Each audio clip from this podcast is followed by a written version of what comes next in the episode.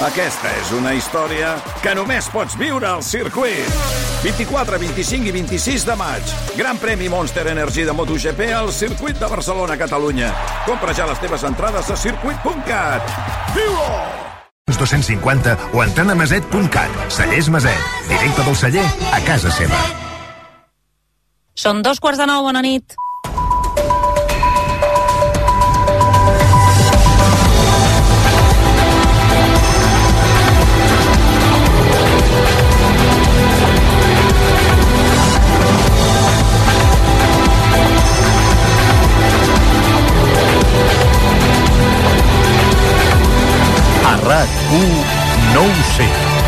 Anna Ballonesta.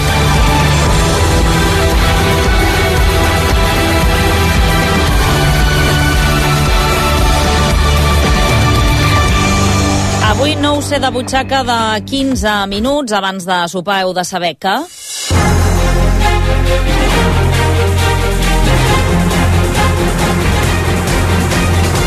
Doncs a aquesta hora estem molt pendents d'un possible segrest a Barcelona. Els Mossos tenen desplegat un operatiu a la part alta de la ciutat entre el carrer Calvet i el carrer Amigó.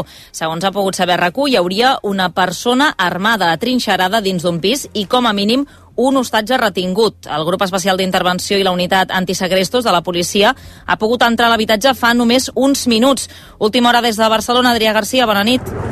Bona nit, sí, hi ha un vistós dispositiu, com deies, amb agents de la Guàrdia Urbana i també dels Mossos d'Esquadra. De fet, a la porta del, de l'edifici on està passant tot plegat, el número 39 del carrer Amigó, hi ha dos agents del GEI que estan doncs, custodiant-lo amb armes llargues. Fa cosa de 10 minuts han pogut sentir fins a tres detonacions que haurien explotat dins d'un pis, un domicili, d'una finca del carrer Maria Cubí amb el carrer Amigó, que és on estem situats ara, i que és el carrer que està eh, tallat al trànsit i també al, al pas de, de, de la gent. Segons l'avantguàrdia, eh, el GEI dels Mossos ha entrat dins del pis i han pogut controlar ja la situació. Serien membres d'una màfia xinesa que necessiten traducció per poder-s'hi comunicar i això està dificultant les tasques eh, de rescat i saber també doncs, què ha passat exactament. Al llarg de, de l'operatiu, els Mossos, doncs, com dèiem, estan demanant als curiosos que no s'aturin al mig del carrer per demanar què és el que està passant i, de fet, alguns comerços de la zona ens expliquen que des de fa ja un parell d'hores eh, els agents estan envoltant eh, l'edifici. Una altra cosa que acabem de saber és que el cos dels Mossos ha confirmat que d'aquí pocs minuts eh, faran una declaració per explicar-ho tot plegat. Eh, us mantenim informats. Doncs aquesta és l'última hora d'aquest possible, com dèiem, segrest eh, entre el carrer Calvet i el carrer Amigó de Barcelona. Qualsevol novetat l'actualitzarem durant aquest nou set. Més coses, el TCJ decidirà dimarts si suspèn el judici a Laura Borràs, com ha demanat la seva defensa. Els jutges han programat aquesta sessió extraordinària per la setmana que ve perquè el pacte entre la Fiscalia i els altres dos acusats ha dinamitat la dinàmica prevista. De fet, els advocats de Borràs acusen l'altra part de mala fe per pactar després de passar-se anys compartint i intercanviant informació entre ells. Ha seguit aquesta primera sessió del judici al Benet Iñigo. Han saltat espurnes al TCJ. L'advocada de Borràs, Isabel Elbal, ha revelat com havien treballat plegats fins ara i creu que el pacte trenca el codi deontològic de l'advocacia. L'advocada d'Isaías Herrero, Marina Roig, molt dolguda, també creu que la defensa de Borràs s'ha passat de la ratlla presentant com a gairebé corrupció el probable acord. Con tanto intercambio intenso de información, nos ha obligado en 72 horas a buscar pruebas que no conozcan. Esa es la indefensión creada, señoría. Es diu a l'escrit, s'arriba a dir compensades, bonificades o pagades. Pensar que quan una defensa exerceix el seu dret de defensa es converteix en part acusadora és no entendre ni el contingut ni el significat del dret de defensa. Ara són els jutges els que han de decidir si suspenen el judici a l'espera també si la defensa de Borràs pot trencar el secret professional i portar proves d'una deslleialtat que vulneri el dret de defensa. La resolució serà dimarts en una sessió fins ara no prevista del judici. Borràs, que ha arribat al TCJ acompanyada de la seva família i de la plana major de Junts per Catalunya, mig miler de persones també li han donat suport en una concentració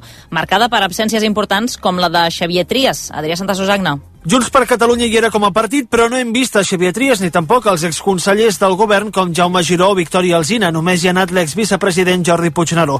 Borràs ha arribat acompanyada dels seus amics més propers, Quim Torra, Aurora Madaula i Francesa Dalmases. També hi era Jordi Turull, que ha assegurat que Borràs la persegueixen per independentista. I no tindrà un judici just, perquè evidentment el tribunal doncs, el formaran part persones, especialment el president, el senyor Barrientos, que és una persona doncs, que s'ha destacat per fer ostentació de la seva lluita contra l'independentisme. L'Assemblea i el Consell per la República han anat a la concentració, però no ho han fet l'AMI, l'Òmnium Cultural, Esquerra i la CUP, que asseguren que el cas de Borràs no té res a veure amb el moviment independentista.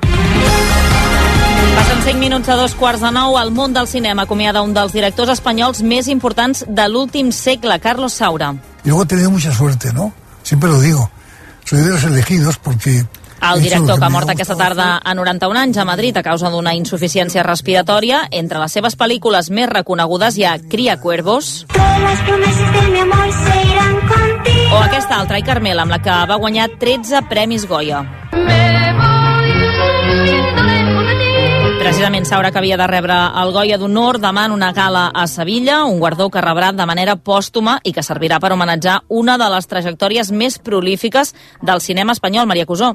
Amb Carlos Saura marxa l'últim director clàssic espanyol. Amb ell desapareix aquell cinema de Berlanga i Buñuel i un llegat de més de 50 pel·lícules. Saura va irrompre al món del cinema amb Los Golfos, el 1959, una pel·lícula moderna per l'època que va inaugurar una filmografia que deixaria noms com La caza, Peppermint Frappé o Cria Cuervos. Guanyador d'un os de plata a Berlín i dos premis especial del jurat a Canes, va rebre diverses nominacions als Oscars. Saura, mort als 91 anys, una setmana després d'estrenar la seva última pel·lícula, Les paredes hablan. Demà havia havia de rebre el Goya d'Honor. Ell no hi serà, però l'Acadèmia del Cinema Espanyol ja ha avançat que la gala serà en record seu. I fa només una estona que hem sabut que ha mort un altre director de cinema. Es tracta de Hugh Hudson, de la filmografia, de la seva filmografia en destaca la pel·lícula Carros de foc. Doncs bé, una cinta pel, de l'any 1981 que va guanyar quatre Oscars a millor pel·lícula, millor guia original, millor vestuari i també millor banda sonora per Vangelis i per la cançó de Carros de Foc. Hudson també va dirigir Altamira el 2016, protagonitzada per Antonio Banderas. El balanç de víctimes pel terratrèmol a Turquia i Síria no para de créixer, ja són gairebé 23.000 persones les que han mort. Avui, però, encara hi ha un bri d'esperança perquè han rescatat 10 persones de sota la runa que feia més de 4 dies que estaven enterrades. Tot i això, mentre creixen les crítiques i el president turc admet per primera vegada que hi ha hagut errors. Ho fa, això sí, amb la boca petita. Enviat especial de RACU a Turquia, Jordi Armenteres. Sí, el que era impossible avui ha passat i feia més de 24 hores que no teníem notícies de nous rescats. Són els herois, ells i sobretot els equips que ho han fet possible, perquè han sobreviscut més de 100 hores sota els edificis. Hi ha un nadó de només 10 dies, no en sabem res dels seus pares. Hi ha dos germans rescatats per militars espanyols. Hi ha un grup de 5 joves més que estaven en un edifici de la ciutat d'Iskanderun i una dona que han rescatat aquest vespre un equip del Canadà. Les crítiques per Erdogan van a més pel president del país, que avui per primera vegada, i han hagut de passar 5 dies, ha admès per primer cop que sí que hi ha hagut problemes. El nostre treball ha estat molt complicat. Tot i que ara tenim l'equip de recerca i rescat més gran del món, és una realitat que els treballs no són tan ràpids com volíem que fossin. A la devastació s'hi ha afegit un hivern tan complicat com l'actual que s'ha convertit en un obstacle més. Ahir va prometre que d'aquí un any tothom tindrà casa. És inviable, es trigarà mesos a desenrunar. Hi ha moltes ciutats que s'hauran de replantejar de dalt a baix. I mentrestant, Síria, que autoritza per primer cop l'enviament d'ajuda humanitària internacional a tot el país, fins i tot podran entrar a les zones controlades pels opositors al règim de Bashar al-Assad. A casa nostra el govern confia que el brot de grip aviària detectat a una granja d'Arbeca a les Garrigues estigui erradicat en 30 dies. Això després d'haver sacrificat més de 80.000 aus de la mateixa explotació afectada i també de les granges properes com a mesura preventiva. La consellera d'Acció Climàtica, Teresa Jordà, envia un missatge de tranquil·litat. Està extremadament calculat eh, el pla de contingència de com hem d'actuar davant d'una situació d'aquestes característiques um, i hem fet el que ja estava previst fer, que no és altra cosa doncs, que fer les proves eh, que ens determinin si, si és així, això s'ha confirmat i esperem que en 30 dies eh, puguem dir que tot això ho tenim eh, doncs, erradicat. Segons el departament, les analítiques d'aquestes explotacions han donat negatiu i recorda que el virus no es transmet als humans. Més detalls des de Lleida, Karen Alfonso.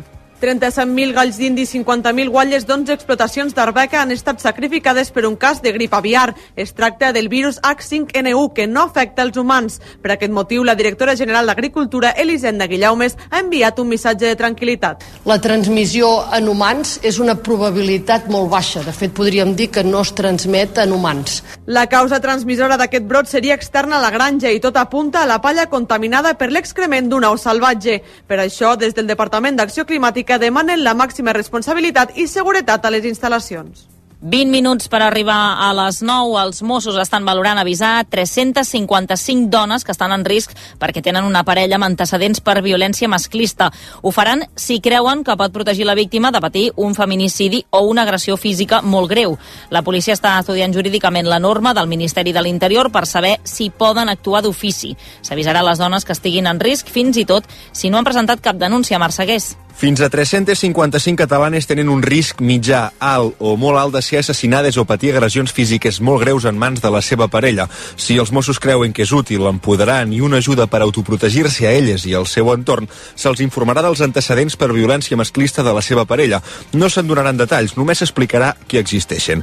La inspectora Montserrat Escuder apunta els tres aspectes claus de la norma. El primer, que aquests antecedents constitueixin per ser un factor de risc per la integritat física d'aquestes víctimes o de les persones dependents. Segon, que no ha de ser una comunicació generalitzada, sinó que ha de ser quirúrgica i, primera, complint els requisits que ens posa Fiscalia i la tercera, que ha d'ajudar a treballar aquesta percepció del risc. La voluntat del cos també és protegir i avisar d'ofici a les dones que estan en la mateixa situació però no han denunciat. I a tot això, nou revés per la defensa de Dani Alves perquè el futbolista pugui sortir de la presó. Les proves d'ADN contradiuen la versió del futbolista. Segons ha avançat el periòdico, les proves han confirmat que les mostres de semen recollides de la víctima coincideixen amb les d'Alves Pep Tormos. Davant de la jutgessa, el futbolista va dir que la víctima li havia fet una fal·lació consentida. La nit de la violació, la víctima va acudir a l'Hospital Clínic on se li van prendre mostres biològiques. Els Mossos també van recollir-ne al lavabo de la discoteca on s'hauria produït aquesta agressió a terra i a la roba de la víctima. En tots els casos, les mostres coincideixen amb l'ADN del futbolista, per tant, tomben l'última versió de Dani Alves, que havia argumentat que les relacions van ser consentides. 3 minuts per 3 quarts de nou, la Generalitat i el govern espanyol han exhibit avui per primer cop a la història bona sintonia per fer front a l'emergència climàtica al Delta de l'Ebre. Han obert una comissió bilateral per consensuar les mesures de protecció davant la pujada del nivell del mar. Des de Sant Jaume d'Enveja, Esteve Giral. Un dels principals punts de discussió, encara, la quantitat de sorra que s'ha de portar als espais més fràgils per evitar que el mar segueixi guanyant espai a la terra. La Generalitat aposta per aportar fins a 11 milions de metres cúbics de sorres i fer-ho amb dragues marines. La vicepresidenta espanyola Teresa Rivera i Teresa Jordà, la consellera d'Acció Climàtica. Si tiene más sentido o menos aportar grandes cantidades de arena o seguir en, en una constante, suave però constante aportació d'arena. Pensem tècnicament eh, que això eh, pot ser viable.